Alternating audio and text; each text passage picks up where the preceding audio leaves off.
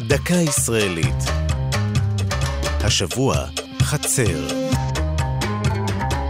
והפעם תל חי. לרגלי הרי הגליל העליון, בראש גבעה המשקיפה על נופיו המרהיבים של עמק החולה, שוכנת חצר תל חי.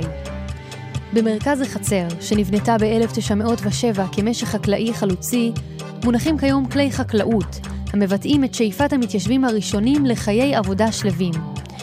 אולם אנשי תל חי לא זכו לשלווה המיוחלת. באותם ימים התעוררה באזור תסיסה על רקע דתי ופוליטי.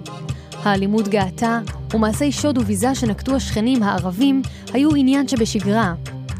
תושבי החצר חיו בבדידות ובחששות כבדים. בי"א באדר, תר"פ, 1920, הגיעה לתל חי קבוצת ערבים חמושים. בחילופי האש שנמשכו כל אותו יום, נפלו שמונה מתיישבים יהודים ובהם מפקדם, יוסף טרומפלדור. מורשת טרומפלדור ועמידתם האיתנה של המגינים שלאחר חודשים ספורים חזרו ונאחזו במקום, הפכו את החצר הקטנה לאחד מסמלי הגבורה הבולטים בתולדות היישוב היהודי ומדינת ישראל שקמה כשלושה עשורים לאחר מכן.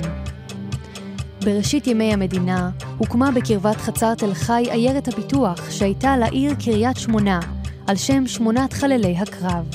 זו הייתה דקה ישראלית על חצר ותל חי. כתבה נעמי קנטור יצחייק. ייעוץ הדוקטור מרדכי נאור. הגישה נועם גולדברג.